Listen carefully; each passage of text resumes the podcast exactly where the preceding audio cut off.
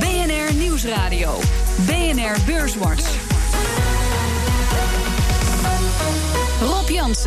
Welkom bij Beurswatch, het enige beleggingsprogramma op de Nederlandse radio. Met Nico Inberg van IEX.nl en Sam Ongering van Laken Asset Management. Heren, welkom.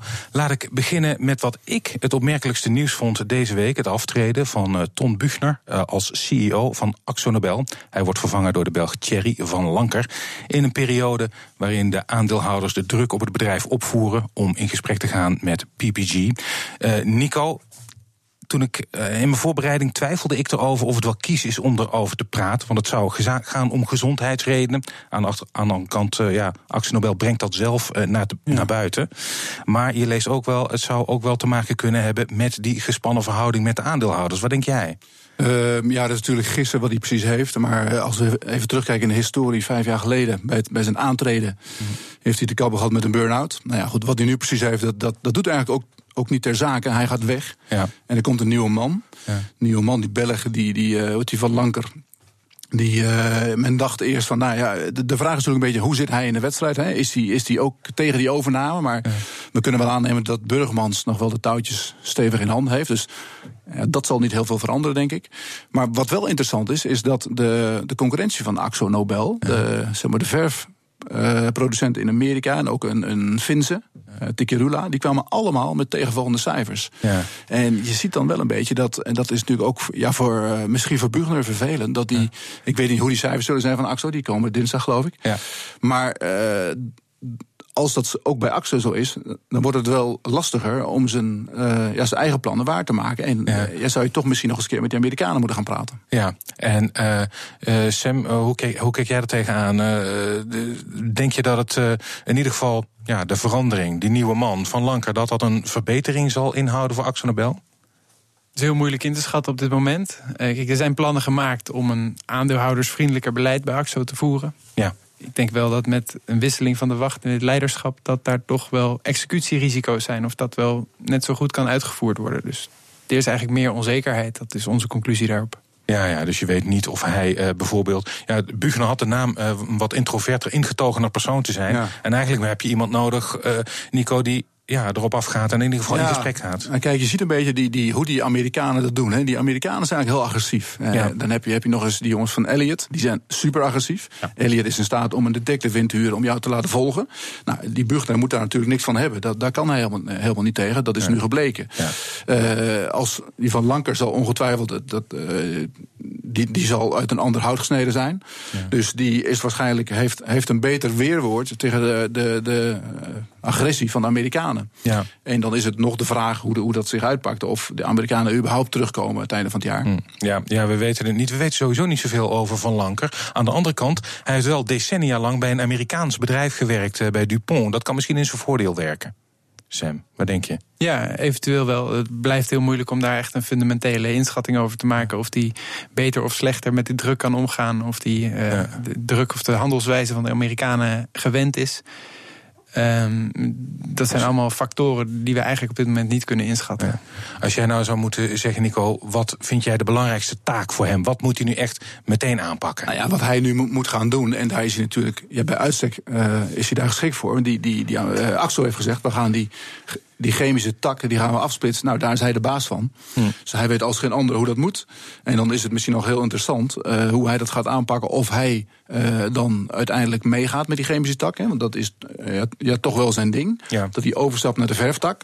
Of wat, wat mijn idee altijd was, en dat heb ik altijd raar gevonden. Dat, kijk, Axel heeft eigenlijk twee delen. De chemische tak en de verftak. De verftak is hetgene waar de Amerikanen in geïnteresseerd zijn. En wat gaan ze doen? Ze verkopen de chemische tak. Dus ze kunnen beter de hoofdprijs incasseren voor de verftak.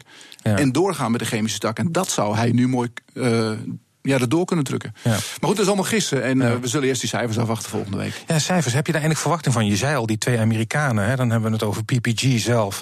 En ook uh, Sherwin-Williams. Dat zijn twee uh, grote concurrenten. Zij ja. de belangrijke concurrenten. De belangrijkste, de grootste zijn dat. Ja, viel tegen. Hou je je hart vast voor AXO? Mm, nou, ja, wel een klein beetje. Je, hebt ook, je had ook nog Tiki Rula. Fina. Ja. Is een Fins bedrijf met een marktwaarde van anderhalf miljard. Die hadden een, een probleem met, met hun, hun eh, software. Dus dat is eigenlijk ja, bedrijfsgebonden. Ja. Maar Axel die krijgt last. Die, die Amerikaanse bedrijven hadden last van de, de materialen, ruwe materialen die ze moeten inkopen. Die zijn duurder geworden. En daar, dat, dat eh, vreet aan de winst. Ja. Dus dat zal Axel waarschijnlijk ook hebben, want die zullen wel geen andere verf hebben. Ik bedoel, het is allemaal één pot nat. Ja.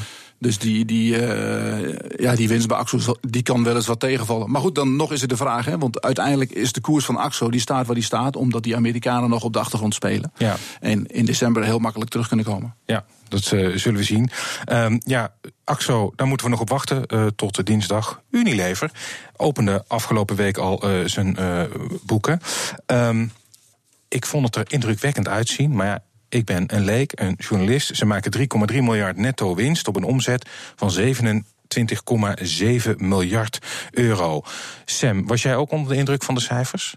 Ja, absoluut. Eh, wat ik vooral van onder de indruk was, was de, eh, het feit dat de initiatieven om de aandeelhouders tevredener te stellen na het overnamebod wat eh, eerder geweest is, Hmm. Eh, lijken uitgevoerd te worden. Je ziet dat er inderdaad veel minder overhead is uitgegeven. eh, en dat vertaalt zich gewoon direct door in betere winstcijfers. Dus dat is heel eh, goed voor Unilever. Ja. Ehm, je ziet dat ze ook vasthouden aan hun marketinguitgaven. Wij denken dat dat goed is. Hoge merkwaarde voor de producten is denk ik Ja. goed voor het aandeel. Dat houden ze aan vast. Dus het zijn hele goede cijfers. Wij waren er ook positief over. Ja, ehm, als we nou kijken naar de beleggers, eh, Nico, die reageerden wat lauwtjes, vind ik. Ja. Eh, heb je daar begrip voor? Jawel, kijk, het is natuurlijk een duur aandeel nu. Hè. Die, die, je moet eigenlijk zeggen, de hele voedingssector is, is onwijs duur. Omdat die Hmm. paar Amerikaanse bedrijven zijn op overnamepad. Die jagen Ja. de prijs op. We hebben, eh, eerder deze week hadden we het over... hoe heet dat? Bent, eh, Reckitt Ben Kiezer, ja. Die wilde zijn voedingstak, een, een, een deel van zijn voedingstak verkopen. Nou, die, die, dat is voor, echt voor een hoofdprijs verkocht. Ja. Negen keer de omzet is er betaald. Dat is echt waanzinnig. En eh, ja, dat betekent eigenlijk wel dat bijvoorbeeld Unilever, wat ook op overnamepad wil, die wil zijn groei aanjagen middels overnames, want anders wordt het een lastig verhaal. Dat er voor hen niet zoveel over te nemen valt. Ze hebben een aantal jaren geleden al gezegd van de, de markt is eh, eh, ja, heel goed geprijsd. Duur eigenlijk. Ja. En dat betekent dat ze eh, ja, de groei die ze willen aanjagen door middel van overnames, die wordt wel, dat wordt wel lastig. Ja. Die, Het is echt een dilemma voor Unilever, die aan de ene kant zijn aandeelhouders tevredener wil maken. En aan de andere kant wil groeien met acquisities. Maar om die aandeelhouders tevreden te houden, kunnen ze eigenlijk niet hele hoge biedingen uitbrengen op eh, eventuele acquisitietargets. ja. Dat is heel vreemd. Ja, dat is inderdaad, eh, dat zagen we inderdaad ook eh, deze week inderdaad. Want die, die, die tak van Reckitt Ben Kiezer is naar McCormick gegaan Ja. voor 4,2 miljard dollar. Ehm, dus eigenlijk het nou verstandig van Unilever dat ze het hebben laten gaan, of hadden ze misschien toch moeten Nou, doen? ja, kijk, eh, als je het heel graag wil hebben, hè, die Amerikanen wilden het heel graag hebben, die Ja. willen groeien, maar ik denk dat ze die, die overname er nooit uitkrijgen. Dat, dat is zo duur. En na- natuurlijk gaan ze, die Amerikanen gaan er met het fileermes doorheen. Ja. Die gaan kosten besparen, die kunnen dat als geen ander. Maar dat was Unilever sowieso niet gelukt. En ik denk dat het een goede zaak is voor Unilever dat ze nu even pas op de plaats maken. En we moeten ook niet al te, te zeer kijken naar de groei, de groei, de groei. Want eh, het houdt ook een keer op natuurlijk. Ja. Ja, eh, maar voor bijvoorbeeld een bedrijf als ASML lijkt het niet Ja. op dat daar, Als we daar naar kijken, zeg, eh, eh, zij zijn toeleverancier voor de chipindustrie. Ze maken van die grote machines waar bijvoorbeeld Intel chips mee kan maken. Zij zagen de winst per aandeel in het tweede kwartaal groeien van 83 cent naar 1,08 euro. Ehm, Nico zag er geweldig uit, of niet? Waanzinnig. Ik ben er toevallig geweest, een paar weken geleden. En eh, ja, je, het is fantastisch om daar, daar rond te lopen ook. Maar ASML is echt een, een uniek bedrijf. Dat, dat wordt nog wel eens onderbelicht, maar ook wereldwijd. Hè. Ze, ze zijn eigenlijk monopolist. Ja. Ze hebben volgens mij 85% van hun markt hebben ze in handen. Ze hebben de een standaard gezet voor die, die nieuwe machines, die, Ja. die ultraviolet machines. eh, eh, ja, E- EUV. En daar kan eigenlijk niemand meer omheen. Die machines die gaan het worden. Ja. Die moeten ze kopen straks. En dus die zitten in een zetel. En er kan eigenlijk weinig gebeuren. Het enige risico, dat was wel leuk wat ze, ze vertelde. Ik zei, wat, wat is nou jullie risico? Want het, het lijkt om hartstikke goed te gaan. Maar er moet toch iets zijn wat, wat, eh, ja, Riskant, Ja, wat- mis kan gaan. En toen zeiden ze van, nou ja, we zitten in Eindhoven. En dat is wel eens lastig om eh, ja, mensen aan te trekken. Ja. Want er is hier niks te doen. Eh, afgezien daarvan, Sam, ben jij ook net als Nico heel enthousiast over ASML? ASML zit in alle lakenportefeuilles. Dus Ja. we zijn zeker eh, positief over dit aandeel. We waren wel enigszins ongerust, omdat het aandeel best op een hoge waardering handelt. En de markt kijkt heel erg naar de 2020 targets mm. van het management, die best ambitieus zijn. Volgens mij 10% groei ieder jaar, 5% margeverbetering, zodat je 50% marge op die machines maakt. wat nu 45 is. Dus het die targets die zijn heel moeilijk te halen. Maar deze cijfers geven wel weer wat extra comfort dat, dat ze dat toch gaan lukken. Ook omdat ze meer machines uh, van die EUV systemen hebben verkocht. En dat zijn eigenlijk hun meest geavanceerde machines waar ze ook de beste marges op maken. Dus nou, daar waren beleggers heel blij mee dat daar meer orders van in de portefeuille waren gekomen. En zou je kunnen zeggen dat uh, het feit dat uh, ASML heel goed gewaardeerd wordt door beleggers en Unilever veel minder. Heeft dat alles te maken met die marktdominantie? Van ASML? Ja, natuurlijk, maar ik bedoel, Unilever wordt ook goed gewaardeerd. Hè? Unilever ja, staat, dat is, wat, is de, de KW van Unilever? Van mij 22, 23. Ja. En ASML ligt er nog veel hoger natuurlijk. Maar ASML is echt een duur aandeel, maar ze maken het iedere keer waar. En dat is al, dat is al een jaar of vijf zo. Dus die, die, ja, dan maakt die waardering ook niet zoveel uit. Want het, het gaat inderdaad iedere keer. Uh, ze zetten een stip op de horizon. En dat halen ze. En wat, waarschijnlijk gaan ze het nu weer halen. Ja. Verdienen straks 9 euro per aandeel, is de bedoeling. Nou, als dat gehaald wordt, is 150 euro gewoon een hele normale koers. Ja, zometeen dan praten we verder over Philips Lighting... dat hard wordt afgestraft eh, voor een dalende omzet. En over Axel, dat een stuk minder hard fietst op de beurs. BNR Nieuwsradio. BNR Beurswatch. De AEX is ook deze week op weekbasis hoger gesloten. Daarover praat ik met Nico Inberg van IEX.nl en Sam Ongering van Laken Asset Management. En die AEX die sloot op 522,2 punten. Dat is 0,2% hoger dan vorige week. Stijgers. Op weekbasis waren er drie aandelen die het sterkst stegen. Eén, uh, ASML, we hadden het er al over, 8,2% erbij. Nummer 2 is Galapagos met een plus van 4,4% En KPN kreeg er 3,4% bij. Het midcap aandeel dat het best presteerde deze week was Bezi met een plus van 7,5 Dalers. dalers. De drie grootste dalers deze week. Egon verloor afgelopen week 3,2 Axel Nobel leverde 3% in. En Philips sloot uit uiteindelijk 2,7% lager. In de midcap was de grootste daler deze week Air France KLM met een min van 13,1% En de AEX is drie van de vijf handelsdagen hoger gesloten. Um, ik wil eerst eventjes naar Air France KLM, heren. Uh, het krijgt harde klappen deze week. Net in een week dat ze een nieuwe uh, luchtvaartmaatschappij hebben gelanceerd. Joon, ik weet niet of ik het goed uitspreek. Ja, Joon. Joon. Mooie naam. Ja. Um, uh, hoe verklaar jij de daling, uh, Nico? Wat is, voor, is gewoon een reactie ik, ik, uh, op de hoge stijging? Een aantal dingen. Het is natuurlijk onwijs hard omhoog gegaan. Het komt ja. van de 5 euro naar de, wat heeft er gestaan, 13,5 volgens mij. Ja. En dus er mag wel een beetje lucht uitlopen. Dat is helemaal niet erg. Het gaat hard op en neer steeds. het is niet alleen niet alleen KLM, Air France, ook bijvoorbeeld Lufthansa had uh, van de week hele goede cijfers. Die gaven zelfs een omgekeerde winstwaarschuwing. Die kwamen met een bericht dat, ze, dat het heel erg goed ging. En, uh, maar er zat al zoveel winst ingeprijsd dat het uh, ja, op een gegeven moment moet, ja, willen mensen waarschijnlijk ook een keertje winst nemen. En, en ja, geloven ze het wel. En ik denk dat dat, dat nu een beetje het geval is. Ja, ja en EasyJet kwam deze week met een uh. Ja, maar, ja, die hadden op zich goede cijfers. Maar die zeiden dat het in de tweede jaarhelft ietsje minder zou gaan met de ticketverkoop. Tenminste, dat die prijzen, uiteindelijk liggen die prijzen in de die luchtvaartsector liggen onder druk. Er is onwijze concurrentie. Daar hebben ze allemaal last van. Nou, de, de kerosine is nog goedkoop. Dus dat, daar hebben ze wel, wel een voordeeltje. Maar ja. Uh, ja. De omzetten gaan omhoog. Ja. Uh, Sam, hoe kijk jij naar de cijfers van uh, Air France KLM? Oh, sorry, van, de, uh, ja, van, van het verlies eigenlijk. Ze zijn ja. nog niet met cijfers gekomen. Hey, we vinden eigenlijk de hele luchtvaartsector een redelijk waardeloze sector. in 2015 hebben ze volgens mij voor het eerst hun kapitaalkosten weer eens terugverdiend. En wat de hele sector als geheel heeft gedaan, is enorm veel vliegtuigen bestellen. Dus er ja. komt zoveel extra capaciteit naar de markt. Ja. Kan alleen maar meer concurrentie komen in een sector die al vreselijk competitief is. Dus ja, we ja. kijken eigenlijk niet zo heel veel naar het aandeel Air France KLM, omdat we gewoon de sector niet aantrekkelijk vinden. Ja. Maar aan de andere kant, je ziet wel dat uh, bezettingsgraden bijvoorbeeld toenemen bij, uh, bij toch grote spelers. Uh, en ja, de olieprijs blijft heel erg lang laag. Dat is misschien ook wel weer ja, positief. Of denk jij ook, Nico, dat die. Nou, eh, ja, kijk, de sector is, eh, is natuurlijk heel competitief en dat is lastig.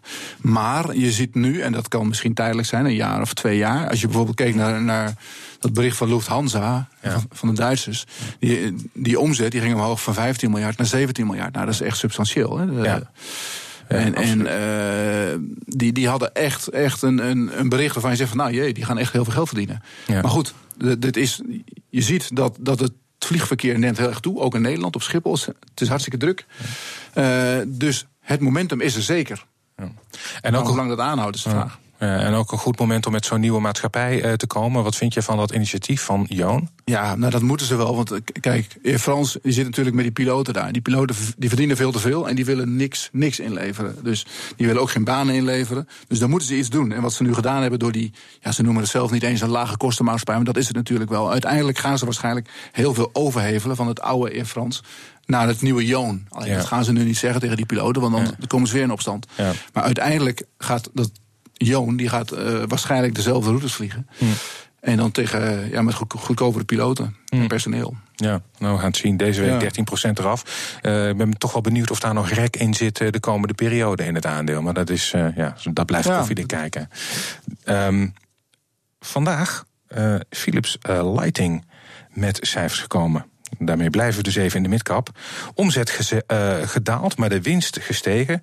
Uh, de winst per aandeel sterk omhoog. Koers ging vandaag met 8,2 procent uh, onderuit. Sam, ehm, vind je die daling terecht?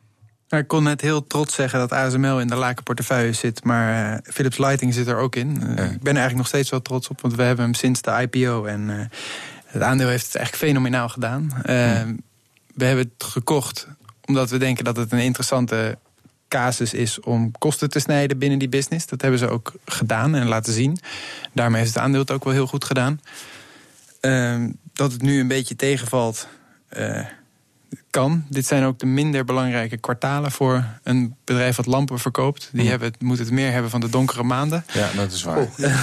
dat is logisch. Ja. Dus uh, ja, we houden de positie nog wel gewoon aan. Hoewel een heel stuk van die kosten snijden acties eigenlijk al uh, is toegepast. Dus ja, ja dus dat is minder eh, upside. Ja, in. precies. Dus dat is al en ik denk dat dat ook uh, de conclusie is geweest van de markt. Ja. Daarom, ondanks dat de cijfers redelijk waren, niet, niet perfect, ook niet heel slecht, wordt het toch flink afgestraft. Ja, dat zou ik wel zeggen. Was jij verbaasd, Nico? Nee, nou ja, ik, uh, ik, was wel verbaasd ja, dat er zoveel afging. Ik, ik zit eigenlijk al heel de tijd te wachten tot het wat omlaag gaat. Ik vind het een heel mooi aandeel. Mm. En uh, alleen, hij is een beetje op de muziek vooruitgelopen. Mm -hmm.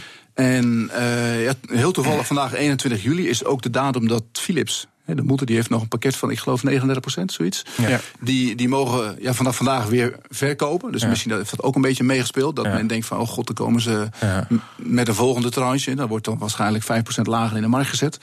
Dus uh, ik vind het een heel interessant aandeel. En, en natuurlijk, er wordt gekeken naar die topline, naar die omzet. Nou, die valt dan tegen. En dat, het is, dat, dat heb je zo af en toe.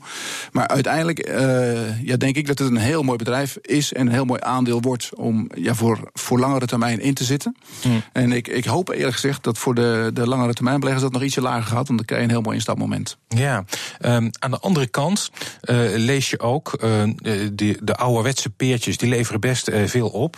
maar je ziet aan de andere tegelijkertijd verschuift het aandeel van die oude lampen naar ledlampen. Ja. Die veel langer meegaan, dus veel minder vervanging hebben. dat lijkt me op den duur wel een bedreiging, of een lastige ontwikkeling om groei uh, in omzet uh, te genereren. Of zie ik dat verkeerd? Nee, ik denk dat je dat goed ziet. Het is uh, geen aandeel waar je een hele hoge groei van kan verwachten. De structurele verbeteringen in de PNL is wat het interessant maakt. nu is nog wel het stuk van de conventionele lampjes veel belangrijker. En, en daar is op zich ook goed op gepresteerd. Ja. Um, maar het is niet een heel hard groeiend segment waar ze in zitten. Mede door deze trend van inderdaad minder verkopen uh, ja. per jaar.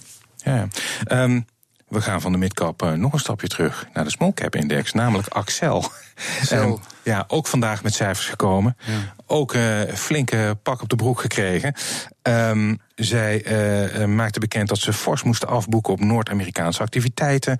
Uh, verrassing voor beleggers. Nico, een afstraffing van 8,9% was dat wel terecht? Nee, het is, het is wat overdreven. Maar ik denk dat er een aantal zaken spelen. Natuurlijk, het zit niet mee allemaal. E-bikes die gaan wel goed. Hm. En uh, er waren, de, kijk, die, die netto winst die kwam 22% lager uit, maar er zitten een paar eenmalige posten in. Hè. Ze hadden een, een ja, belastingteruggave verwacht uit Amerika van 3,8 miljoen. Die krijgen ze niet, nou, afboeken. Uh, er wordt een nieuwe koers ingezet. Dat kost 5 miljoen. Dus daar moeten heel veel IT'ers voor aantrekken om, om, om uh, ja, de boel softwarematig op te zetten. Dat kost 5 miljoen, dus dat is, dat is al 9 miljoen. Dat heb je een eenmalige kosten. Nou, nu is het wel zo dat met name in Nederland en, en, en in Turkije en Amerika, waar ze groot zijn, daar, daar viel de omzet tegen. Dus dat is, dat is niet goed. Hm. En uh, wat er ook aankomt, is dat er een ja, nieuwe CEO aankomt. En ik kan me ook zo voorstellen dat zo'n ja, zo'n nieuwe man, dat is nu de man die zit bij, uh, waar zit hij nou? Bij Beter Bed. Ja. Uh, Ton Anbeek. Dus die, die begint daar, ik geloof, 1 november of 1 oktober. En ik kan me ook zo voorstellen dat die man zegt van jongens, uh, ik wil wel beginnen daar, maar eerst even de oude, oude rommel eruit. Ja, ja. En we beginnen met een schoon schip. En in die zin kan ik me heel goed, heel goed voorstellen dat de CFO, uh, Sibisma, dat hij gezegd heeft van nou ja, we nemen al die lasten nemen we nu. Kan hij met schone lei beginnen. En dan denk ik dat, want het is nog steeds een heel mooi bedrijf. Ja. En je laten we niet vergeten dat het uh, anderhalve maand een maand geleden, uh, toen was er een partij die wil uh, 33 euro betalen voor het aandeel. Ja. Um, Sam, je hebt net al een beetje laten zien wat jullie in portefeuille hebben. Hebben jullie ook dit soort small caps in portefeuille? Axel hebben we toevallig wel eens naar gekeken. Omdat, ja. ja eigenlijk gewoon omdat je in Amsterdam wordt om, om, omvergefietst door de oma's op elektrische fietsen. Ja. Uh, vond het een interessante trend. Omdat je gewoon veel meer verkoop per product hebt met een elektrische fiets dan een oude fiets. Mm. Of een traditionele fiets, moet ik zeggen. Ja.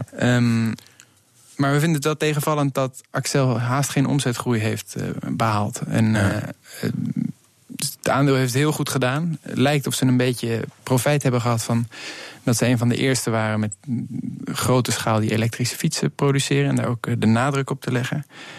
En nu zijn er wel heel veel concurrenten gekomen die ook dat soort dingen maken. En, en ook goed. Dus het, het is wel weer een lastigere markt geworden voor Axel om te opereren. Ja, zie je dat ook als gevaar, uh, de toenemende concurrentie, Nico? Of ja, je van maar goed, ja, concurrentie is er altijd. Dat is inderdaad ja. zo. Ja, die e-bikes, daar wordt nu nog, nog uh, ja, aardig geld op verdiend. Dat, die marges die gaan natuurlijk omlaag. Dan komen de Chinezen straks ook aan, die gaan die dingen ook maken. Dat is wel een gevaar, maar het is wel een heel sterk bedrijf. Ze zitten heel goed in, in hun markten. En, maar ze zullen wel wat. Er is, is heel veel werk aan de winkel. Want ze, ze moeten ja, met uh, met name in Amerika ook, maar ook in Nederland. Er wordt natuurlijk heel veel via internet verkocht ook tegenwoordig. Ja. En daar moeten zij ook een slag in maken. Ja. Um, ik wil nog even naar uh, Amerika kijken, want ook daar zijn, uh, stonden, waar zijn natuurlijk ook veel bedrijven met cijfers gekomen, met name een aantal banken. Um, denk aan uh, Morgan Stanley en Goldman Sachs, die openden deze week de boeken. Um, uh, Sam, wat vond jij van die cijfers? Als je um, kijkt bijvoorbeeld naar Goldman Sachs. Ik, ik, heb meer gekeken naar de cijfers over het algemeen van ja. de banken. Wat je daarin zag is dat er best een forse winstgroei is geweest bij de banken. Maar waar dat hoofdzakelijk uitkomt, is de provisies voor slechte leningen die terug zijn geschroefd. En dan ja. uh, komt dat uit de balans in de winst. En dan rapporteren ze forse winstgroei, terwijl de onderliggende cijfers niet zo heel erg uh, sterk waren voor de bankensector als geheel. Interestmarge die ze maken, uh, dus de rentemarge, was eigenlijk niet zo heel veel toegenomen. Hmm. Terwijl ze best in een gunstige omgeving zitten. Want een, een, hogere centrale bankrente zou in principe goed moeten zijn voor de banken. Hmm. Dus ik vond de cijfers over het algemeen uh, niet zo heel sterk van de Amerikaanse banken. Ja, wat je ook een beetje zag is dat de inkomsten uit de handel, met name obligatiehandel, ja, die vielen vies tegen. Ja. Daar hebben ze het heel lastig mee. Maar goed, het, het is ook een rustig kwartaal natuurlijk. Dus ja. dat, dat, dat, is de, dat heb je er ook wel eens bij. Maar uiteindelijk zijn de Amerikaanse banken doen het eigenlijk best goed. Ja. Uh, die lopen wel een stukje voor op de Europese banken. Ah, dat wil ik zeggen. Ja, ik las op Bloomberg dat uh, van de tien grootste Amerikaanse banken, die nu ook hun cijfers hebben laten zien, die hebben in één kwartaal 30 miljard dollar verdiend en zitten daarmee bijna op het niveau ja. van 2007, voordat de crisis uitbrak. En je wordt er bijna bang van? Ja, je wordt, dat wou ik net zeggen. Je, je zou er bijna. Wordt, wordt tijd voor een nieuwe crisis. Uh, maar ja, laten we het niet hopen. Nee, Ver, verwacht jij dat? Nee, nee, nee. Je kan wel stellen dat de banken hebben natuurlijk wel die hebben, hebben een lesje geleerd. En de Amerikaanse banken hebben de pijn eigenlijk meteen al genomen. Ja. Veel eerder dan de Europese banken. Uh, je ziet wel, onze banken, de, de, de Nederlandse banken doen het heel erg goed. ING en ABN, die hebben echt wel, wel uh, ja, de boel op orde. Hm. Tenminste, ja, grotendeels. Ja. Maar in Europa loopt daar natuurlijk wel een stukje achteraan. Want we hebben de ECB met name, die heeft heel, heel lang die, die, de Italiaanse banken, Spaanse banken de hand boven het hoofd gehouden. Ja. En nu zie je dat er zo af en toe eentje omvalt. En dan, nu, het wordt nu in ieder geval opgelost. Ja. Uh, nog heel kort, uh, voor het uh, eind van de uitzending vraag ik mijn gasten altijd een tip, een beleggingstip voor de luisteraar. Sam, wat is jouw tip voor de luisteraar? Wat moet hij kopen? Kan van alles zijn. Aandeel, obligatie, zeg het maar. onze gedachte was eigenlijk, wat moet je niet kopen? kan ook nuttig zijn. Wij zouden willen adviseren om nog steeds onderwogen te zijn in de olie-energiesector. Ja. Steeds meer stemmen opgaan dat het misschien toch aantrekkelijk is. Een manier om de olieprijs te profijt van te hebben dat die weer gaat stijgen. Uh, eigenlijk twee redenen. De bedrijven waar wij naar hebben gekeken, denken we nog steeds dat die handelen op een olieprijs die eigenlijk veel hoger staat. Mm. En ten tweede, uh, het OPEC-kartel, wat, wat toch rammelt. En OPEC als geheel is ook steeds een kleiner percentage van de totale productie binnen olie. Dus het kartel wordt gewoon steeds zwakker. En, we maken ons daar wel zorgen om. Of nou, zorgen. We denken dat dat gewoon een probleem gaat worden voor het hooghouden van de olieprijs. Nico, jouw tip? Ja, olieprijs moeilijk te voorspellen. Maar ik denk als je dan toch iets moet doen met de olie, uh, koop dan Shell. Hè, die zitten ja. tenminste nog aan de goede kant. Die, die kunnen die leveranciers uh, uitknijpen als ze willen. Hmm. Uh, ja, mijn tip, ik vind Philips Lighting de komende week in de gaten houden. Als, als Philips met een, een, een, volgende deel komt wat ze willen, willen verkopen. En dat gaat misschien onder, onder de 30 euro. Dan zou ik wat kopen. En met deze tip voor Philips uh, Lighting zijn we aan het einde gekomen van deze aflevering van Beurswatch. Ik dank mijn gasten uh, Nico Inberg van IEX.nl en Sam Ongering van Laken Asset Management. Volgende week dan is er natuurlijk weer een Beurswatch, deze uitzending. Die kunt u naluisteren op de website van BNR of via de BNR-app. En heeft u nog vragen, dan kunt u een tweet sturen naar Rob of BNR. Dank voor het luisteren.